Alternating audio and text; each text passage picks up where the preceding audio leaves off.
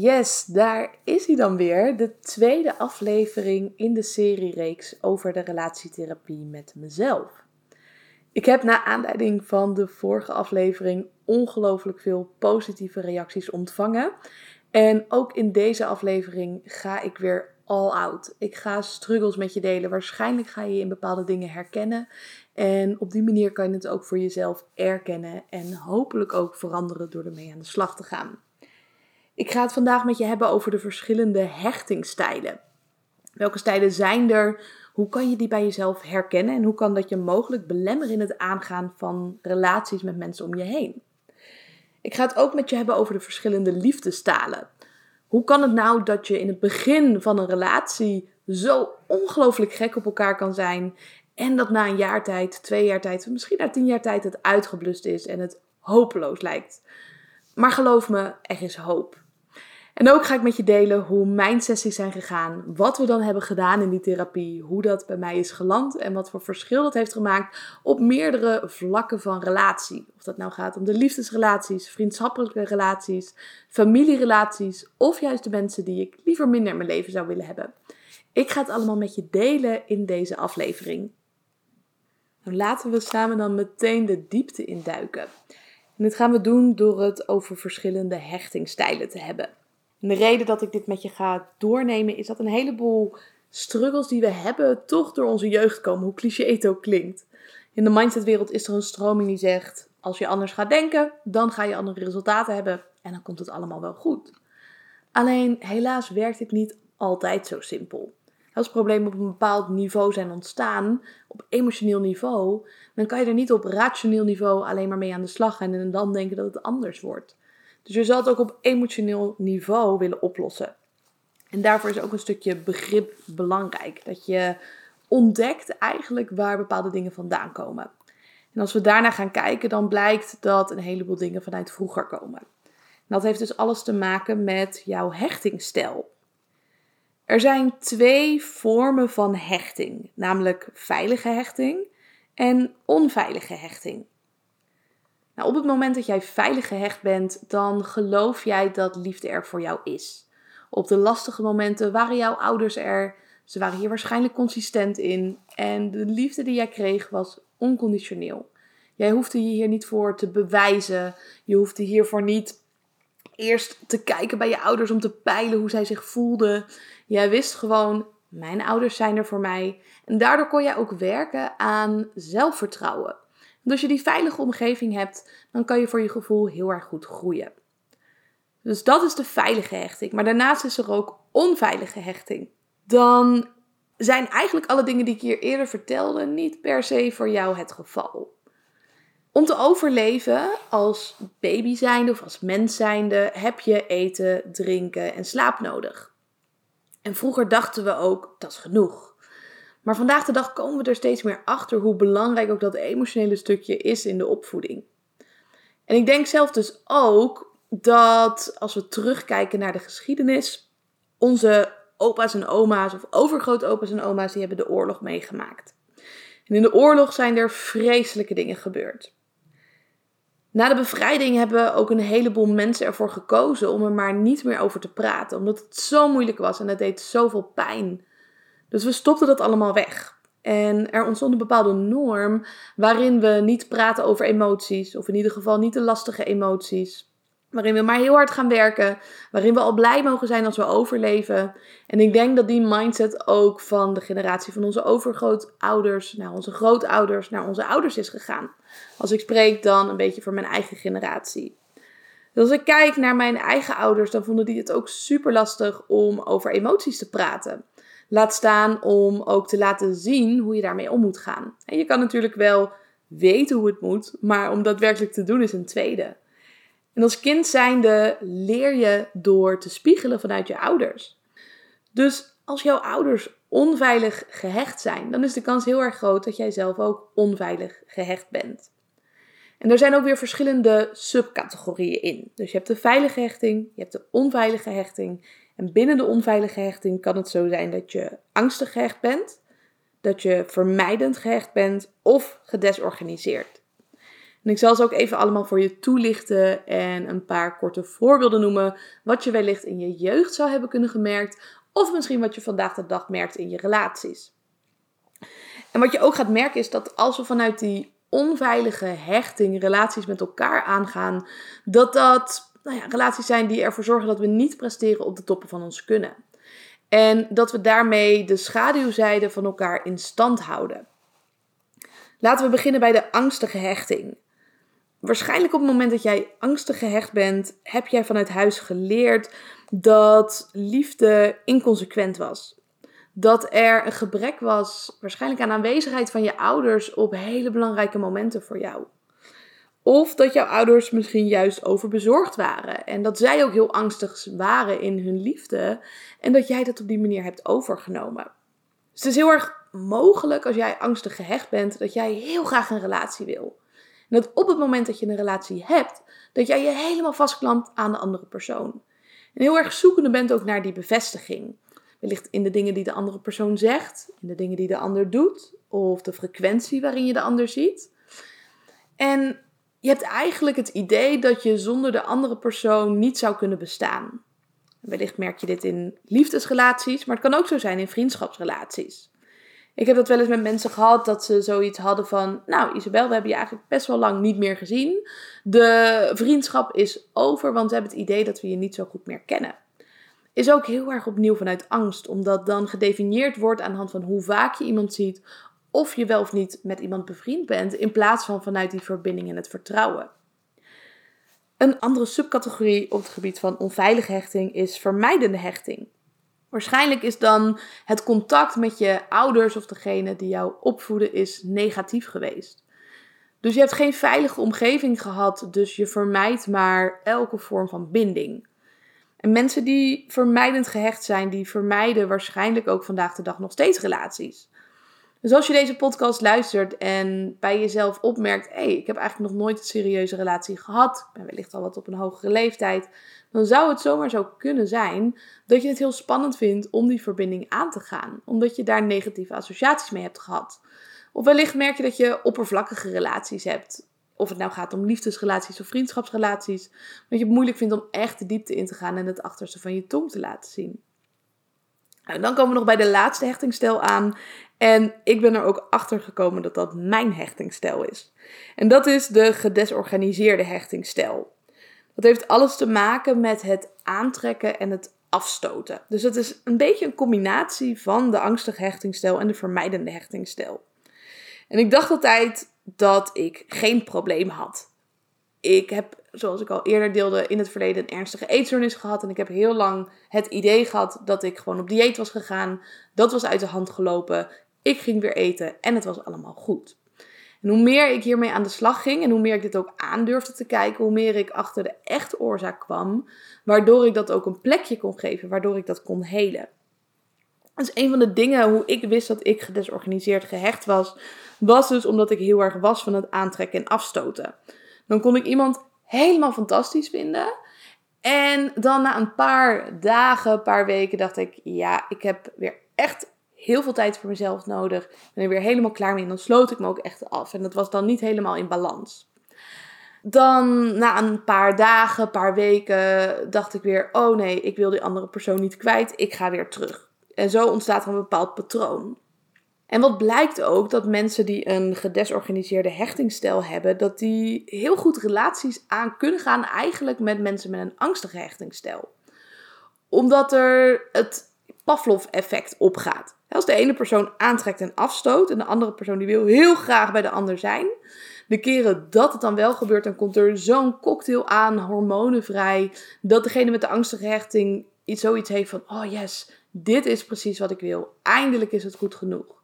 En dan stoot degene met de gedesorganiseerde hechtingsstijl weer degene met de angstige hechtingsstijl af. Dan gaat degene met de angstige hechtingsstijl weer heel hard werken voor die erkenning en die liefde. En als het dan weer lukt, nou dan vindt weer even die ontspanning plaats. Dus op die manier hou je elkaar schaduwzijde in stand. En daarom zie je, en zag ik ook bij mezelf, dat ik dat heel erg aantrok. Ik trok mensen aan die dan extreem fan van mij waren. Die mij helemaal fantastisch vonden en het liefst elke dag met mij wilden zijn. In het begin vond ik dat fijn en dan beknelde me weer en dan was ik weer weg. Dan wilde ik weer heel erg veel tijd voor mezelf. Dan kwam ik toch wel weer terug, want ik was wel weer gek op die persoon. Maar onderaan de streep merkte ik, dit werkte niet voor mij. Een ander ding wat ik heel erg merkte was dat ik twijfelde. Dat ik constant twijfelde aan mijn relatie. Aan is deze persoon het wel of niet voor mij? Ik heb verschillende relaties gehad en om heel eerlijk te zijn is dat bij mij steeds meer geworden. Ook denk ik dat mijn reptiele brein dat dus weer meeneemt in de nieuwe relaties. Van zie je nou wel, de vorige was het ook niet. Dus ga nu maar heel erg veel twijfelen. En ga maar kijken naar alle redenen waarom het niet zou werken. En ga je vooral maar niet al te veel hechten, want strakjes gaat de andere persoon jou pijn doen. Ik heb namelijk niet altijd even leuke ervaringen gehad op het gebied van relatie. Denk aan uh, overspel. Denk aan misbruik. Denk aan uh, extreme ruzies. Dus mijn reptiele brein heeft een hele zak aan argumenten waarom ik wat terughoudend zou mogen zijn. En aan de andere kant geloof ik ook echt dat we dat kunnen helen. En ben ik natuurlijk ook heel hard bezig, al langere periode, om dat te helen. En wil ik daarin niet meer luisteren naar dat reptiele brein. Maar ik heb wel in het verleden gemerkt dat hij mij dus heel veel liet twijfelen. En ik denk dat dat bij mijn uh, relatie hiervoor het meeste was. Ik heb ook stukjes in mijn journal teruggelezen dat ik eigenlijk na, ik denk een maand relatie al opschreef dat ik zo ongelooflijk veel twijfelde. En dat ik merkte dat ik het aan de ene kant heel erg spannend vond om zijn liefde te ontvangen. En dat ik heel erg last had van het imposter syndrome. En strakjes ontdekte hij dat ik niet de meest fantastische partner ben voor hem en maakte hij het uit. Daar twijfelde ik heel erg aan van waarom vindt hij mij zo fantastisch? En aan de andere kant twijfelde ik dan ook weer of hij het wel was. Of ik hem dan zo fantastisch mocht vinden. was hij dan wel goed genoeg? Nou, je kan je wel voorstellen, dat was een drukte van je welst in mijn hoofd. En uiteindelijk maakte ik er geen keuze in. Ik koos niet om echt committed te zijn. Ik koos ook niet om het uit te maken, maar ik bleef in een soort van niemandsland doorgaan. Ik denk dat dat stukje ook wel een bepaalde druk heeft gelegd op de relatie die wij samen hadden op het moment dat je dat niet heelt, ga je dat ook weer meenemen in al je nieuwe relaties. En voor mij is het daarom ook zo belangrijk om daarmee aan de slag te gaan. Omdat ik er ook achter kwam dat die twijfel soms bij de andere persoon kan liggen, maar ook wel bij jou. En dat was voor mij wel een mooi inzicht. Dat in onze maatschappij het heel erg aangenomen wordt. Dat op het moment dat je twijfelt, dat het ongetwijfeld zal liggen aan hetgene waar je over twijfelt. Dus stel je moet bijvoorbeeld een keuze maken laten we zeggen dat je van baan wil veranderen en je twijfelt erover. Dan denken we vaak, oh dan zal het wel liggen aan de baan. Want als de baan leuk genoeg was, dan zou je niet zo twijfelen. Of als je oude baan fantastisch was, nou dan zou je niet twijfelen om te blijven. En ik kwam daarachter dat dat helemaal niet zo is. Als we vanaf een plek komen dat we veilig gehecht zijn en dat we geloven dat er meer dan voldoende liefde voor ons is en dat we ons veilig voelen, waarschijnlijk kunnen we dan vertrouwen op onze intuïtie en kunnen we dan de beste keuzes maken. En is twijfelen dan een teken dat het misschien niet goed zit. Alleen op het moment dat we dat dus niet hebben en nog komen vanuit een plek van schaarste, dan zou het heel goed kunnen zijn dat jouw reptiele brein jou laat twijfelen zodat je maar geen keuze hoeft te maken. Of zodat je op die manier pijn kan vermijden. Want omdat je twijfelt, dek je jezelf in voor het geval dat het niet lukt. Dat je dan tegen jezelf kan zeggen: Ja, dat dacht ik al. Want als ik terugkijk, alle negatieve ervaringen die ik heb gehad, die zag ik totaal niet aankomen. En ergens voelde dat voor mij dus ook heel naar. Dat ik me heel dom voelde, heel naïef. En dat mijn reptiele brein waarschijnlijk op dat punt heeft gedacht: Nou, weet je wat, dit gaat ons niet meer overkomen. Dus we gaan er alles aan doen binnen ons kunnen om dat niet meer te laten gebeuren. Alleen aan de andere kant, juist het, het, het stukje liefde, het stukje geluk en pijn zit zo dicht bij elkaar. En door het ene te onderdrukken, door de pijn te willen onderdrukken, kan je ook die liefde minder ervaren. En dat is ook wat ik op een gegeven moment merkte bij mezelf. Wat ik dus ook merkte bij mezelf, en ik heb dit ook besproken met een aantal vrienden die ook met hetzelfde topic bezig zijn, is dat je anderen in je hoofd wat kleiner gaat maken. En ook dit is weer het indekken vanuit je reptiele brein. Dus wat er bij mij gebeurde was vanuit die twijfel dat je ging kijken naar redenen waarom het niet zou lukken, waarom het niet goed was. En als je natuurlijk gaat kijken naar waarom zou een ander niet goed genoeg voor me zijn, dan ga je 101 redenen vinden waarom dat niet zo is. En dan kijk je vanuit een bepaalde bril naar de wereld. Waarbij er eigenlijk geen één waarheid is. Iemand is in de kern altijd goed genoeg. En misschien is er wel of geen match. Ehm, maar op het moment dat je dat doet, en ik ben er ook schuldig aan, waarschijnlijk ben jij er ook schuldig aan, dek je jezelf al in. Voorstel dat hij het uit zou maken dat het bij jou wat minder pijn zou doen. Dus ik merkte vanuit die gedesorganiseerde hechtingsstijl, misschien ook wel vanuit die vermijdende hechtingsstijl of die angstige hechtingsstijl, dat we er alles aan doen om op die manier pijn te vermijden. We willen wel heel graag relaties aangaan, maar we kunnen dat nog niet optimaal doen. Dus we moeten kijken naar een manier om dat dus te gaan helen. En met therapie, met coaching, kan dat zeker. Ik dacht eerst, oh nee, het is voorbij. Ik kan geen gezonde relaties aangaan. Ik moet dan maar settelen voor minder. Ik ga functionele relaties aan. Het is dan handig om met iemand samen te zijn voor wellicht de inkomsten, wellicht de kinderen.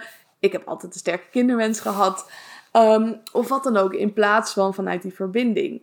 Maar ik kwam er dus ook achter dat je dat kan helen. En een van de dingen waar ik dus mee aan de slag ben gegaan, is onder andere schematherapie. Dat jij weer terug gaat staan op de plek waar jij hoort te staan binnen de familie. Dus wat ik in de vorige podcast ook al deelde, was dat mijn moeder ziek is geweest, heel erg ziek. En uiteindelijk is zij overleden aan de uh, bijverschijnselen van de chemokuur. En altijd in de tijd dat zij ziek is geweest, heb ik heel veel voor haar gezorgd. Dus wat merkte ik schematisch gezien in ons gezin dat ik de rol van moeder heel erg op me nam. Dat ik heel erg voor iedereen ging zorgen. Ik zorgde voor mijn vader, ik zorgde voor mijn zussen. Ik had ook zelf het gevoel dat ik de oudste zus was, terwijl ik eigenlijk dus de middelste zus ben. En ik had ook het gevoel dat ik de moeder ben, terwijl ik helemaal geen moeder ben. En dat is niet iets wat je heel erg bewust dan ziet, maar een van de dingen die ik heb gedaan is een familieopstelling. En ook daar kwam ik erachter dat ik dus de neiging heb om die plaats in te nemen. En door dat op te gaan lossen, door daarin anders op te komen dagen, door de positie in te nemen van de middelste zus, kon ik ook daarin veel meer gaan ontspannen. En mijn vader zien als vader, mijn oudere zus zelfs zien als oudere zus en mijn jongere zusje ook zien als mijn jongere zusje. Een ander ding wat mij heel erg heeft geholpen is acupressuur. En dat is in het verlengde van EFT-therapie. Ik zal daar in het kort iets meer over vertellen, want ik denk dat dat voor jou ook wel echt super waardevol kan zijn. Wat ik al in het begin zei, bepaalde problemen die op een level zijn ontstaan, wil je op hetzelfde level oplossen. Alleen we lossen het heel vaak op een ander level op. Dus we hebben bijvoorbeeld een heel erg naar gevoel. Hè, dat is op emotioneel level. Maar dat willen we dan op rationeel level gaan oplossen door erover te praten of door het bijvoorbeeld weg te drukken. Acupressuur is in, uh, je drukt zeg maar op de plekken die gevoelig zijn. Bij acupunctuur steek je er naaldjes in. Maar bij acupressuur, dat kan je letterlijk op elk moment doen. Dan tap je met je vingers tegen die plekken. De plekken die ik zelf gebruik om te tappen zijn de binnenkant van mijn hand, mijn jukbeenderen, mijn slaap en mijn voorhoofd, dus mijn wenkbrauwen, mijn neus, de plek boven mijn lippen en mijn kin. En daar tap ik dan een aantal keer tegen met mijn vingers. En dat geeft een bepaalde sensatie. En tegelijkertijd vertel ik mijzelf bepaalde affirmaties. Dus dan heb je een combinatie van zowel het rationele stukje als het emotionele stukje. En dan zeg ik bijvoorbeeld dingen zoals: Ik mag dit loslaten. Ik voel me onzeker. Ik voel dat ik twijfel. En toch kies ik ervoor om vertrouwen te hebben. Ik hou van mezelf. Ik ben trots op mezelf. Alle dingen die je tegen jezelf kan zeggen, die voor je werken. Maar je mag ook zeker de dingen benoemen die tegen je werken. Die dingen kunnen heel mooi naast elkaar bestaan. En doordat je dus tegelijkertijd een signaal geeft naar je lijf, kan je het ook fysiek gezien veel makkelijker ofwel opslaan ofwel loslaten. Ik heb net iets meer verteld over de verschillende hechtingsstijlen en wat je kan doen op het moment dat jij onveilig gehecht bent en dat wil gaan helen. Daarnaast liep ik er zelf tegenaan dat ik meerdere langere relaties heb gehad en ongeveer na een jaar of anderhalf dat ik merkte dat de liefde eigenlijk op was. Dat merkte ik niet alleen bij mezelf, maar bij heel veel mensen in mijn omgeving. Verhalen die ik hoorde van mensen die soms tien jaar bij elkaar waren of twintig jaar bij elkaar waren. En dan had een van de twee ineens een ander. Dan hadden ze bijvoorbeeld samen kinderen, hadden ze een huis. En dan ging de, een van de partners ging er ineens vandoor. Soms ook met vreselijke gevolgen. Dat ze rekeningen plunderden of kinderen uh, manipuleerden om aan hun kant te staan. En heel eerlijk, ik was echt heel bang dat dat mij zou gebeuren. Ik dacht, ja, strakjes heb ik alles gegeven in mijn relatie. En dan blijkt mijn partner er ineens van door te gaan. En dan moet ik het allemaal zelf doen. En ik wil het helemaal niet allemaal zelf doen. Nou, hierbij ben ik natuurlijk al twintig stappen vooruit. Maar zo nieuwsgierig als ik ben, was ik ook wel heel benieuwd. Hoe kan dat dat het eigenlijk zo vaak gebeurt? Hoe kan het dat we dan ineens het gevoel hebben dat de liefde op is, terwijl een van de twee partners nog keihard zijn best deed? Ik heb namelijk zelf het patroon gehad in mijn relaties dat ik altijd heel hard heb gewerkt voor mijn relaties. In ieder geval dat ik heel erg bezig was met wat anderen fijn zouden vinden. En uh, dat mogen jullie wel weten. Ik heb tot nu toe alle relaties die ik heb gehad, heb ik uitgemaakt. En daar ben ik niet per se trots op. Dat is in de maatschappij een statusding dat je het uit hebt gemaakt. Want dan was jij degene die koos om het niet meer te doen. Heel eerlijk, ik denk niet dat dat altijd de, het, het ideale stukje is. Ik denk dat het ook heel moeilijk is om een relatie te verbreken. Of dat weet ik althans. Want jij bent degene die dan de keuze moet maken. En aan de andere kant is daar ook weer een bepaald patroon waar ik denk ik ook weer heel erg veel van kan leren. Want omdat ik altijd degene was die de relatie verbrak, was mijn tank, mijn liefdestank, was leeg. En heel vaak was de liefdestank van mijn partner nog helemaal vol. Dus die zag dat dan niet helemaal aankomen. Die had nog makkelijk een half jaar of een jaar door kunnen gaan. Dus daarom ga ik het vandaag ook met je hebben over die liefdestanks en ook hoe ik dat nu anders ben gaan doen. Want ik heb gewoon niet goed genoeg gezorgd voor mijn eigen liefdestank. Ik was zoveel aan het geven aan de andere persoon dat ik niet meer bezig was met het ontvangen. En uiteindelijk kan je maar onconditioneel geven als jij kan ontvangen. En dat was bij mij dus in het verleden niet helemaal het geval. Ik ga met jou delen welke liefdestalen er zijn. En wat jij daar natuurlijk ook mee kan in je relaties. En hoe jij kan ontdekken wat jouw liefdestaal is. Er zijn vijf verschillende liefdestalen. Namelijk positieve woorden, aanraken, samen zijn, cadeautjes en dienen. Je hebt liefdestalen die je spreekt, die jij makkelijk aan de ander kan geven. En liefdestalen die je graag ontvangt, die jouw tank vullen positieve woorden spreekt, denk ik voor zich. Dat jij dingen zegt tegen je partner in de zin van complimenten. Oh schatje, wat zie je er fantastisch uit vandaag. Wat heb je dit goed gedaan? Of wat gaat dat goed? Als dit jouw liefdestaal is die je graag ontvangt, dan vind je het waarschijnlijk heel fijn om complimenten te krijgen van jouw partner. En leef je daar helemaal van op en word je daar helemaal warm van. Een andere liefdestaal is aanraken, dus het fysieke contact wat je samen hebt ik hoor wel eens dat mensen zeggen: Ja, ik denk dat mijn liefdestaal is samen zijn, want ik vind het zo heerlijk om samen Netflix te kijken. Nou, ik ga straks nog iets meer vertellen over samen zijn. Maar samen zijn is onverdeelde aandacht. Dus samen zijn is niet Netflix kijken.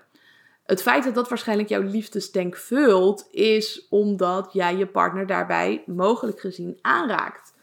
En doordat jij het fysieke contact hebt, wordt jouw liefdesdenk bijgevuld. Maar dat kunnen ook kleine aanrakingen zijn. Hè? Misschien als jij een vrouw bent en je luistert dit, vind jij het fantastisch als je man jou op de billen slaat.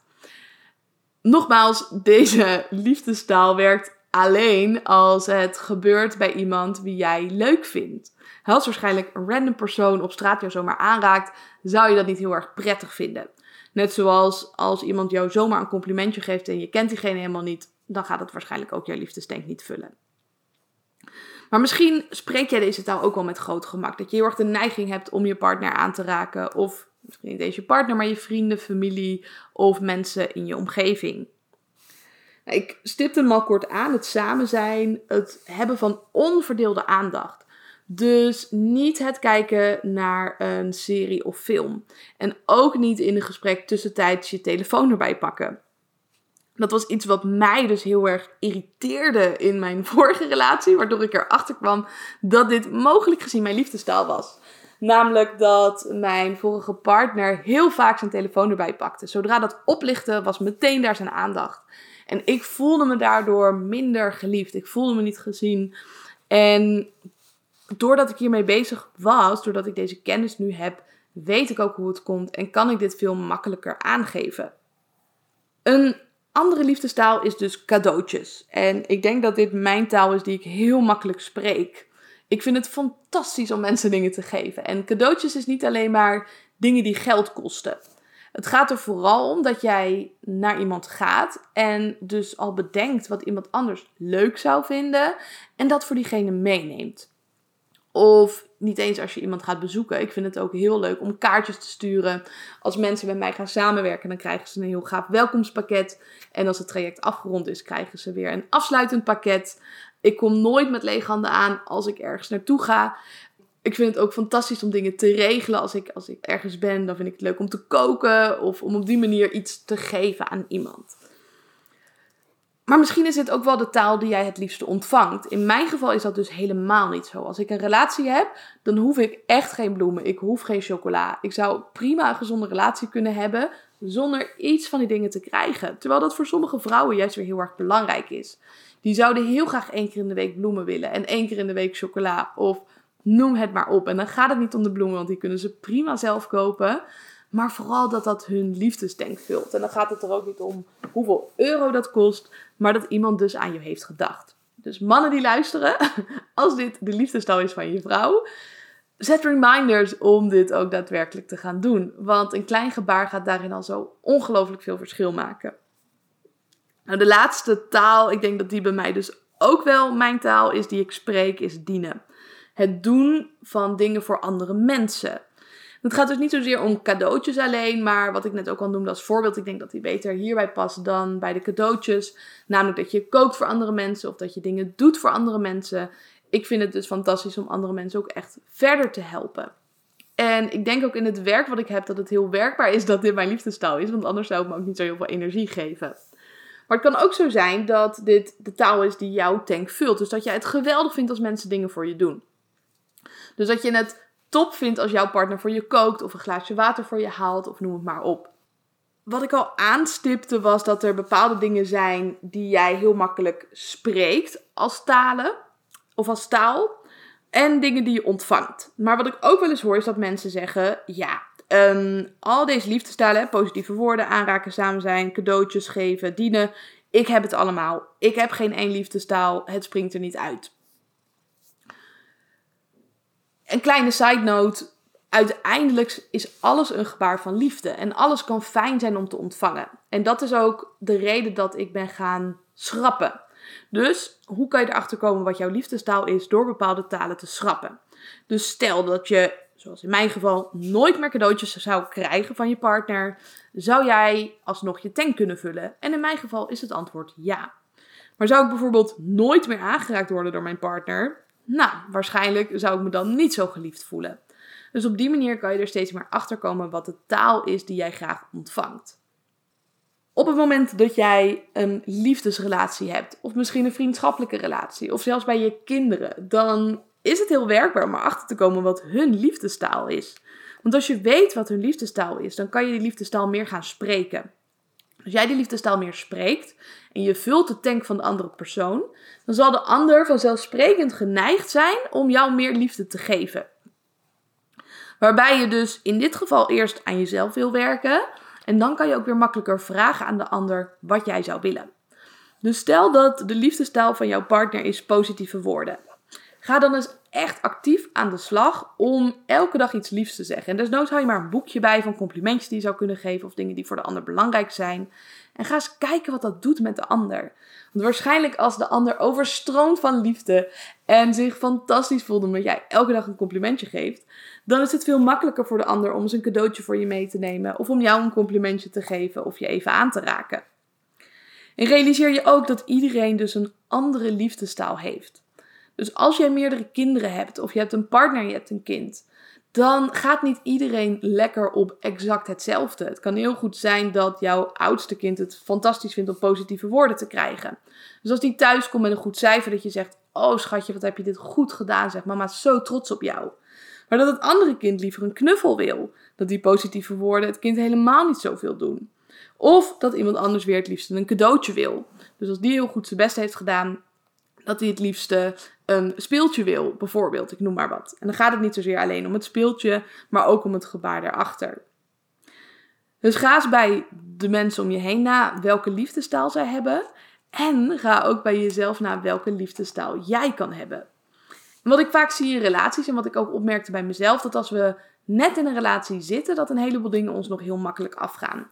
En dat onze liefdesdenk helemaal vol is. En we willen het liefste willen we alleen maar bij de andere persoon zijn. Maar hoe verder we komen in de relatie, hoe meer moeite we erin moeten steken. En hoe meer we er eigenlijk voor mogen doen. En op het moment dat je die effort er dan niet insteekt, als je dan je eigen taal blijft spreken. Want dat is de neiging die we ook vaak hebben. Hè? Omdat we een bepaalde taal graag ontvangen, spreken we die taal in de hoop dat de ander dat begrijpt. Maar als jij Chinees zou spreken en je zou dat tegen mij zeggen omdat je wil dat ik Chinees tegen jou spreek, dan gaan we elkaar waarschijnlijk niet begrijpen. En dat zie ik dus ook vaak in liefdesrelaties. Dat bijvoorbeeld bij de vrouw haar liefdestaal het uh, krijgen van cadeaus is. En dat ze daarom ook cadeautjes aan haar man gaat geven. Maar ja, dat doet hem niet zo heel erg veel. Hij wil bijvoorbeeld veel liever positieve woorden krijgen. Dus ik denk dat dat heel leuk is als je deze podcast luistert om mee aan de slag te gaan en eens te gaan kijken wat dat met jou gaat doen.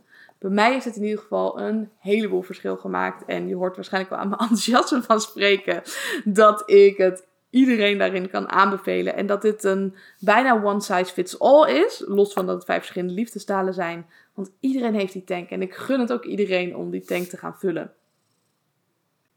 Laten we dan meteen verder gaan met de start van de samenwerking die ik heb met mijn therapeut. Op het moment dat ik haar voor het eerst sprak, zat ik nog in Mexico. Ik was daar een maand aan het reizen. Uh, er waren nagenoeg geen maatregelen destijds rondom corona, dus ik kon daar lekker trainen. Ik kon daar lekker uitgaan. Ik kon daar ook lekker van het weer genieten. Maar ik wilde wel graag dus starten met therapie als ik in Nederland kwam. Dus ik had wel besloten om dan een call met haar in te plannen. Om kennis met elkaar te maken. Om te kijken of er een klik was. En die was er zeker. En een van de dingen die mij ook heel erg nou, bijgebleven is, was dat zij mij heel erg goed aanvoelde. We hebben in het eerste gesprek heel veel gesproken over het innemen van je eigen plek. Ik merkte bij mezelf dat dat voor mij een mega blinde vlek was. Dat ik dat al een hele tijd niet heb gedaan. En aan het eind van het gesprek zei ze daarom: Joh, Isabel, vind je het goed als ik bij jou langskom de allereerste keer? Doe ik normaal gesproken nooit, maar in jouw geval wil ik daar graag een uitzondering in maken. En dan kom ik naar jou toe als je dat goed vindt de eerste keer. Doen we de sessie bij jou en dan trek ik jou daarmee uit je comfortzone. Nou, als het gaat om het komen uit mijn comfortzone, dan ga ik aan de ene kant helemaal aan. Maar mijn eerste reactie, en die was denk ik vanuit mijn reptiele brein, was dat ik zei: Oh, dat vind ik eigenlijk vreselijk. maar wel heel fijn. En ik zal ook iets meer hierover vertellen, zodat je dat wellicht wat beter gaat begrijpen. En misschien ook zelf nog wat mee kan. In 2019 is toen mijn moeder overleden. En mijn partner destijds, ik had toen een relatie, die vond het heel moeilijk om met emoties om te gaan. En die vluchtte daar eigenlijk voor. Dus ik heb het gevoel gehad dat ik dat heel veel zelf moest doen. En dat dreef ons ook heel erg uit elkaar. En uiteindelijk heb ik toen gekozen om de relatie te verbreken. Wij woonden destijds samen. Hij was bij mij in mijn appartement ingetrokken. Of ik huurde dat toen. En dat was toen niet helemaal lekker gegaan qua communicatie. Ik zal je de details besparen. En dat betekende dat niet alleen hij, maar ook ik uit het appartement moest. En ik ben toen weer even bij mijn vader gaan wonen. Ook omdat ik van plan was best wel veel te gaan reizen dat jaar. Dus ik ben dat jaar naar Thailand geweest. Ik ben dat jaar naar Bali geweest. En toen begin 2020 ben ik ook nog naar Singapore geweest en Maleisië en ook weer naar Thailand. Dus ik had een af en aan thuis op reis leven. Ik was zo'n maand op reis en dan was ik weer twee maanden thuis. En dat werkte voor mij op dat moment heel erg goed. Maar ergens, als ik nu terugkijk, was dat ook een vorm van uitstelgedrag. Zodat ik niet een fijne plek voor mezelf hoefde te regelen. En omdat ik die fijne plek niet had, had ik heel erg de neiging om weer weg te gaan. En dan ging ik weer op reis. En dan vond ik het op reis op zich wel fijn. Maar na een tijd merkte ik toch van het leven uit een koffer is niet je van het. Dus dan ging ik weer terug. Nou, en zo zat ik in een bepaald zigzagpatroon. Later kreeg ik een uh, relatie. En hij woonde in Zoetermeer en hij had er net een huis gekocht. Toen we een relatie kregen heb ik ook eigenlijk eh, heel erg veel geholpen met het opknappen van zijn huis. Want het was een kluswoning, dus letterlijk alles moest gebeuren. Van het, het stukken van de wanden tot het inzetten van de keuken, het leggen van de vloer. En we hebben samen toen gewerkt om daar een mooie plek van te maken. En toen ben ik daar ook ingetrokken begin van de zomer in 2020 ook al had ik wel gewerkt aan die eigen plek, toch was het niet mijn plek. Want het zou nooit mijn keuze zijn om in Zoetermeer te gaan wonen. Als jij hier uit de regio komt, dan ken je misschien de plek wel, misschien helemaal niet. Maar ik kom zelf uit Leiden. En Leiden is een oudere stad, heeft een karakteristiek centrum. Uh, heb altijd prachtig aan de polder gewoond of in de binnenstad. En Zoetermeer heeft alles, maar heeft ook helemaal niks. Dus ik was daar niet helemaal op mijn plek. Maar ik vond het oké, want ik was dan met iemand anders. Of in die tijd was ik ook heel veel in Oude Kerk aan de Amstel. En daar had ik het wel ook heel erg naar mijn zin. Maar was ook niet helemaal mijn eigen plek. Ik werkte daar dan overdag en ik werkte met een collega-ondernemer. En dan hadden we een, ja, een tien-winstprincipe die we hanteerden. Waarbij we vroeg opstonden, werkten aan onze persoonlijke ontwikkeling, werkten aan onze business, werkten aan ons lijf. En dan bleef ik daar slapen en dat was ook een stukje praktisch, zodat we weer s ochtends om vijf uur op konden staan. En ik dan niet eerst in de auto hoefde te stappen en dan een half uur daarheen hoefde te rijden. Maar alsnog was het niet helemaal mijn eigen plek. Uiteindelijk in december is het toen uitgegaan met mijn ex. En toen ben ik ook bij hem weggegaan, want ik woonde daar toen. En mijn ouders hebben niet alleen het huis wat ze hebben, maar ze hebben ook later het huis van de buren gekocht. Mensen die één op één met mij werken of een keer een workshop bij mij hebben gehad, die weten dat wel. Dat heb ik dan ook laten zien. En ik heb er ook een keer mee in een tijdschrift gestaan. Mijn ouders die hebben, of mijn vader nu, het hoekhuis. Daarnaast heeft hij nog een woning. En dan met een tussendeur kan je van het een naar het andere huis. En op die manier heb ik een hele tijd toen met mijn oudere zus hier gewoond. Tot augustus. En ook toen ging ik weer af en aan reizen. Dus ik ben een maand in Spanje geweest. Ik ben een maand in Mexico geweest. En nu woon ik hier alleen. En toen ik terugkwam uit Mexico, toen realiseerde ik me ook van wow, het is echt tijd voor mij om mijn eigen plek te realiseren. Om daarin niet meer genoegen te nemen met het me aanpassen naar andere mensen. Dus ik waaide daarin als het gaat om het zijn op een bepaalde plek met wat winden mee. In plaats van te kiezen voor wat ik echt wil. Als we daarnaar kijken, dan merk ik ook dat niet iedereen dat dus begrijpt. En mensen zeggen, oh maar je hebt hier een fantastische plek, waarom zou je hier niet willen blijven wonen? Of als je ondernemer bent, zeker met het werk wat ik heb, ik zou in principe overal kunnen wonen. Dus ik merkte dat het innemen van mijn eigen plek nou al een tijd een uitdaging is geweest. En nu ik bezig ben met het vinden van mijn eigen plek, heb ik een aantal bezichtigingen gehad. Afgelopen jaar ook even een uh, huis semi gehad. Niet echt. Ik heb een bod gedaan, maar ik kreeg de financiering niet rond. Dus ik ben er wel mee bezig geweest. En nu ga ik dan een woning huren. En heb ik er heel veel zin in om dat dan ook echt te hebben. En helemaal te kunnen ontspannen op zo'n plek die zelf gekozen is. In plaats van dat het op je pad gekomen is. Dus een hele lange uitleg voor een heel klein ding. Namelijk het feit dat de eerste sessie bij mij thuis zou plaatsvinden. En dat ik dat dus een beetje spannend vond. Omdat ik zo gewend was om mee te bewegen en naar anderen toe te gaan. Ook mijn therapeut merkte bij de eerste sessie dat het innemen van de eigen plek niet alleen iets fysieks was, maar ook wel mentaal. Ik moest namelijk een oefening doen en daar ga ik straks nog wat meer over vertellen. Waarbij ik eerst moest volademen, zoals ze dat noemt. Dus je kan ademen en een heleboel mensen ademen te oppervlakkig. En ook ik ademde toen nog wat aan de oppervlakkige kant. En zij zei: Isabel, ga eens vol ademen. Adem volledig door je neus, helemaal in, vanaf je borst naar je buik. Voel ook hoe je voeten op de grond staan. En wees helemaal aanwezig. Nou, ik ga super eerlijk met je zijn. Ik ademde dus heel erg stil en niet vol. Dus ze kon me nauwelijks horen dat ze ook achteraf zei: Ja, ik ging af en toe even bij je luisteren of je wel aan het ademen was. Want ik hoorde het helemaal niet. Nou, ik denk dat dat dus ook veel te maken heeft met het innemen van je plek en het echt aanwezig durven zijn. Zeker op van die kwetsbare momenten. Dus het stukje fysiek je eigen plek innemen, het stukje adem qua plek innemen, ruimte innemen, maar natuurlijk ook mentaal, waar ik het eerder in deze podcast over had, met het aangeven wat je liefdestaal is of wat je spannend vindt, heeft ook alles te maken met een stukje ruimte innemen, waar we dus ook samen aan hebben gewerkt. Nu zit je waarschijnlijk op het puntje van je stoel om te ontdekken wat er dan in zo'n sessie gebeurt. En ik kan sommige dingen ook niet helemaal uitleggen. Ik kan het ook niet begrijpen. Maar ik heb wel gemerkt dat het zo ongelooflijk veel voor me heeft veranderd. Net zoals de familieopstelling die ik heb gedaan. Dat was niet vanuit mijn relatietherapie, maar dat was vanuit een vriendinnetje uit het ondernemen. Die zei: Joh, Isabel, ik uh, heb hier een opleiding in gedaan. En ik uh, geef hier sessies in. En ik ben eigenlijk nog op zoek naar mensen die dit willen gaan doen. Die representant willen zijn of die een vraag willen inbrengen. Heb je zin om langs te komen? Dat heb ik toen gedaan. Dat was in eh, Limburg. En die dag heeft zo ongelooflijk veel voor me veranderd. En ik heb zoveel verbinding met de mensen gevoeld die daar aanwezig waren. Ik heb van alles en nog wat gespeeld. Van boerderij tot hoofdpersoon tot steunpilaar. En ik kan dus totaal niet uitleggen wat er die dag is gebeurd. Ik heb ook mijn eigen vraag ingebracht.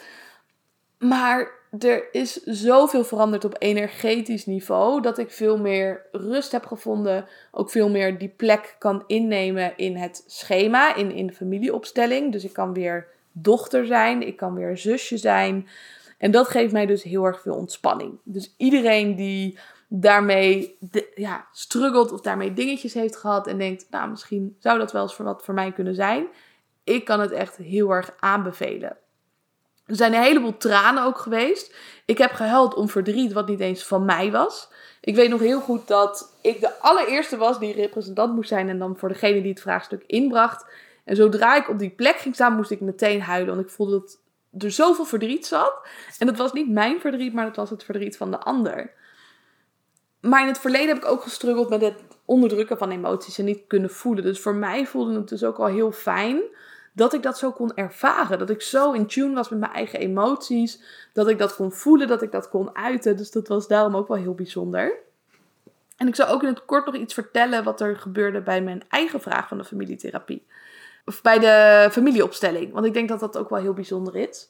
Mijn eigen vraag was: waarom vind ik het dus zo moeilijk om die ruimte in te nemen?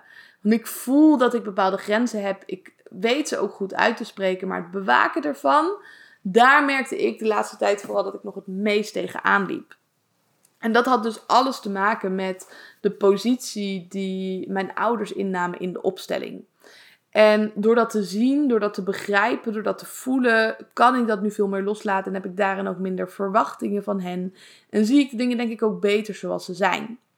Misschien een wat vage uitleg. ik snap het zelf ook niet. Korter de bocht. Als jij bepaalde struggles hebt gehad in het verleden, kan het gewoon heel erg helpen om dat op die manier te doen. En ik zou het ook aanraden om het te doen met menselijke representanten. Ik heb het ook wel eens gedaan met Lego poppetjes of met klei. Dat deed mij dus niet zo heel erg veel. Misschien was ik er ook op dat moment nog helemaal niet klaar voor. Maar goed, terug naar de therapie met mezelf, de relatietherapie. De eerste sessie spraken we eerst wat dingetjes door. Dat ze ook een wat beter beeld nog had na de intake van hoe het was gegaan, hoe het weer was nu ik in Nederland was. En toen deelde ik ook ik ehm, had toen een relatie en ik twijfelde zo ongelooflijk erg. En ik was daar zoveel mee bezig. En het was niet alleen aan de relatie waarin ik twijfelde, maar ook dingen rondom het bedrijf waar ik naartoe wilde, waar ik dan wilde wonen, wat ik dan allemaal ging doen. Het was één hele grote twijfelpot. En toen hebben we wat meditaties samen gedaan. Dus had, ja, soort van cirkeltjes mee waar je dan op kon staan. Een soort van matjes. Je mocht een matje uitkiezen die dan symbool stond voor mijn huidige situatie. En daar moest ik dan even op gaan staan. Dan moest ik even gaan voelen hoe dat voelde. En dan een struggle situatie beschrijven. En er was ook een situatie geweest met mijn vriend. Waarbij hij over mijn grenzen ging. En waarbij ik dat dus niet aangaf. Nee, Tuurlijk niet. Wat deed ik? ik voelde me echt een vrouw. ik zei gewoon lekker niks. En dan zou hij wel begrijpen waarom ik boos was. Nou, later merkte ik dit op dat ik dacht, dit is zo niet werkbaar. En toen heb ik het wel uitgesproken. Maar dat was bij mij wel heel erg een vast patroon. Dat ik dan dingen niet uitspreek en er dan vanuit ga dat anderen wel begrijpen wat ik bedoel. Niet heel werkbaar. En toen zijn we ook gaan kijken waar dat dan vandaan kwam.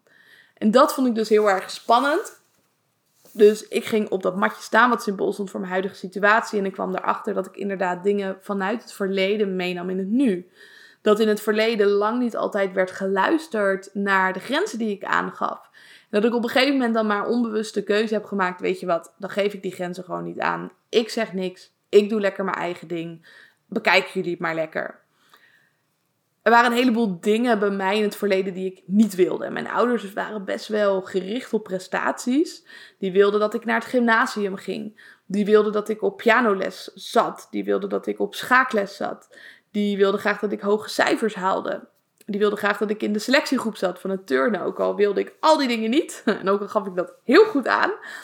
Voor mijn gevoel werd er niet naar geluisterd. En nu zie ik wel dat ze vanuit hun eigen perspectief het allerbeste met me voor hadden en bepaalde keuzes hebben gemaakt met de kennis die ze toen hadden. Alleen als ik vanuit mezelf dan terugkijk, denk ik, ja, ik denk niet dat het voor mij dus het allerbeste was geweest om me daarin dan zo te pushen. Ik denk dat ik ook al genoeg mezelf zou kunnen pushen, dat ik al streng genoeg ben voor mezelf. En dat het bij mij er dan voor heeft gezorgd dat ik het heel moeilijk vind vandaag de dag om dan grenzen heel goed aan te geven na te leven en ook om boos te worden. op het moment dat, dat, dat er iets raakt rondom een grens, dat ik eerder geneigd ben om die boosheid dan in te slikken. Nou, vandaag de dag ben ik daar veel mee aan de slag geweest. Lukte me al veel beter om dat te uiten zonder dat ik de stampvoeten door de kamer hoef. Um, maar het gaf me wel inzicht in waar dingen dus vandaan zijn gekomen. En als laatste onderdeel van de oefening zijn we met een matje op een andere plek gaan staan en naar de toekomst gaan kijken. Hoe je dat het aller, allerliefste voor je ziet. En ik weet niet zo goed waarom, ik kan het ook niet verklaren, maar ik zag mezelf in Valencia. Ik ben dus dit jaar een maand in Spanje geweest op verschillende plekken en een van die plekken was Valencia. En ik had het daar heel erg naar mijn zin. Alleen zijn we daar best wel snel al weggegaan, want mijn zusje had het daar wat minder naar de zin. En ik vond het heel moeilijk om dan aan te geven: oh, maar ik vind het hier fantastisch, ik wil hier heel graag blijven en dan een bepaald conflict te hebben liever, dat, dat is me ook bijgebleven van de familieopstelling, liever laat ik het mezelf slecht gaan dan dat ik dingen bespreekbaar maak. Dat ik anderen mogelijk een slecht gevoel geef. En doordat ik daar nu bewust van ben, kan ik dat ook veel sneller herkennen bij mezelf. Dus in dat gedachte-experiment in de therapie ging ik naar Valencia. Stond ik daar in het zonnetje, in het licht en was ik lekker aan het genieten, aan het spelen. Ik had ook mijn longboard mee, dus ik ben heel veel gaan longboarden, ook in Spanje. Heel veel gaan wandelen, heel veel muziek gaan luisteren. En als je je ooit hebt verdiept in het innerlijke kind, ik ben daarna ook mijn innerlijke kind gaan helen. Dus vandaag de dag zorgen we denk ik heel slecht voor ons innerlijke kind. En ook in het verleden soms dat we niet altijd kind hebben kunnen zijn. Dus iets wat ik nu veel meer ben gaan doen, is dingen doen waar mijn innerlijke kind blij van wordt. Zoals longboarden, dansen, zingen, gek doen, stoeien, eh, nieuwe, dan, eh, nieuwe lessen proberen of touwtjes springen, naar buiten gaan, kruipen over de grond, liggen op de grond, gewoon lak hebben eigenlijk aan de mening van anderen of de potentiële mening van anderen wat we meestal invullen. Dus dat is eigenlijk bij mij een van de veranderingen die ik ben gaan doormaken en echt gaan implementeren. En ik merk ook hoe blij ik daarvan word. Dat we vaak in een maatschappij zitten van prestaties en hollen, rennen, vliegen. En ik ben erachter gekomen dat stukje, dat, dat hoort niet bij mij. Dat is niet van mij. Dat heb ik geleerd van mijn ouders. Dat heb ik geleerd van de maatschappij. Maar dat is niet wie ik ben en ook helemaal niet wie ik wil zijn. Dus daar ben ik mee aan de slag gegaan. Deze aflevering, hoe lang die ook is geworden, gaat dus eigenlijk maar echt over één sessie die ik heb gehad. En hoe dieper je durft te gaan in je sessies, hoe meer progressie je daarin ook durft te maken, hoe meer je daarin openstelt. Ik ga nog meer afleveringen maken. Ik ga hem voor nu ga ik hem hierbij laten.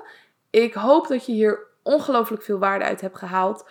Ik hoop dat mijn positieve energie je gaat aansteken om ook te gaan werken aan jezelf, op wat voor manier dat dan ook is. Of het nou is rondom de hechtingstijlen, rondom de liefdestank vullen, rondom het goed zorgen voor je innerlijke kind. Of simpelweg in ieder geval al bewust worden van alle patronen die je hebt.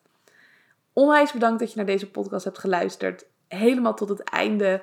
En ook dat je dus tijd hebt geïnvesteerd en energie in jezelf om op deze manier aan jezelf te gaan werken. Mocht je nog vragen hebben, je kan me altijd een DM sturen via Instagram. Ik bericht iedereen persoonlijk die op mij reageert. Of je kan me altijd mailen via info.isabelleveteris.nl. En dan zie ik je bij de volgende aflevering.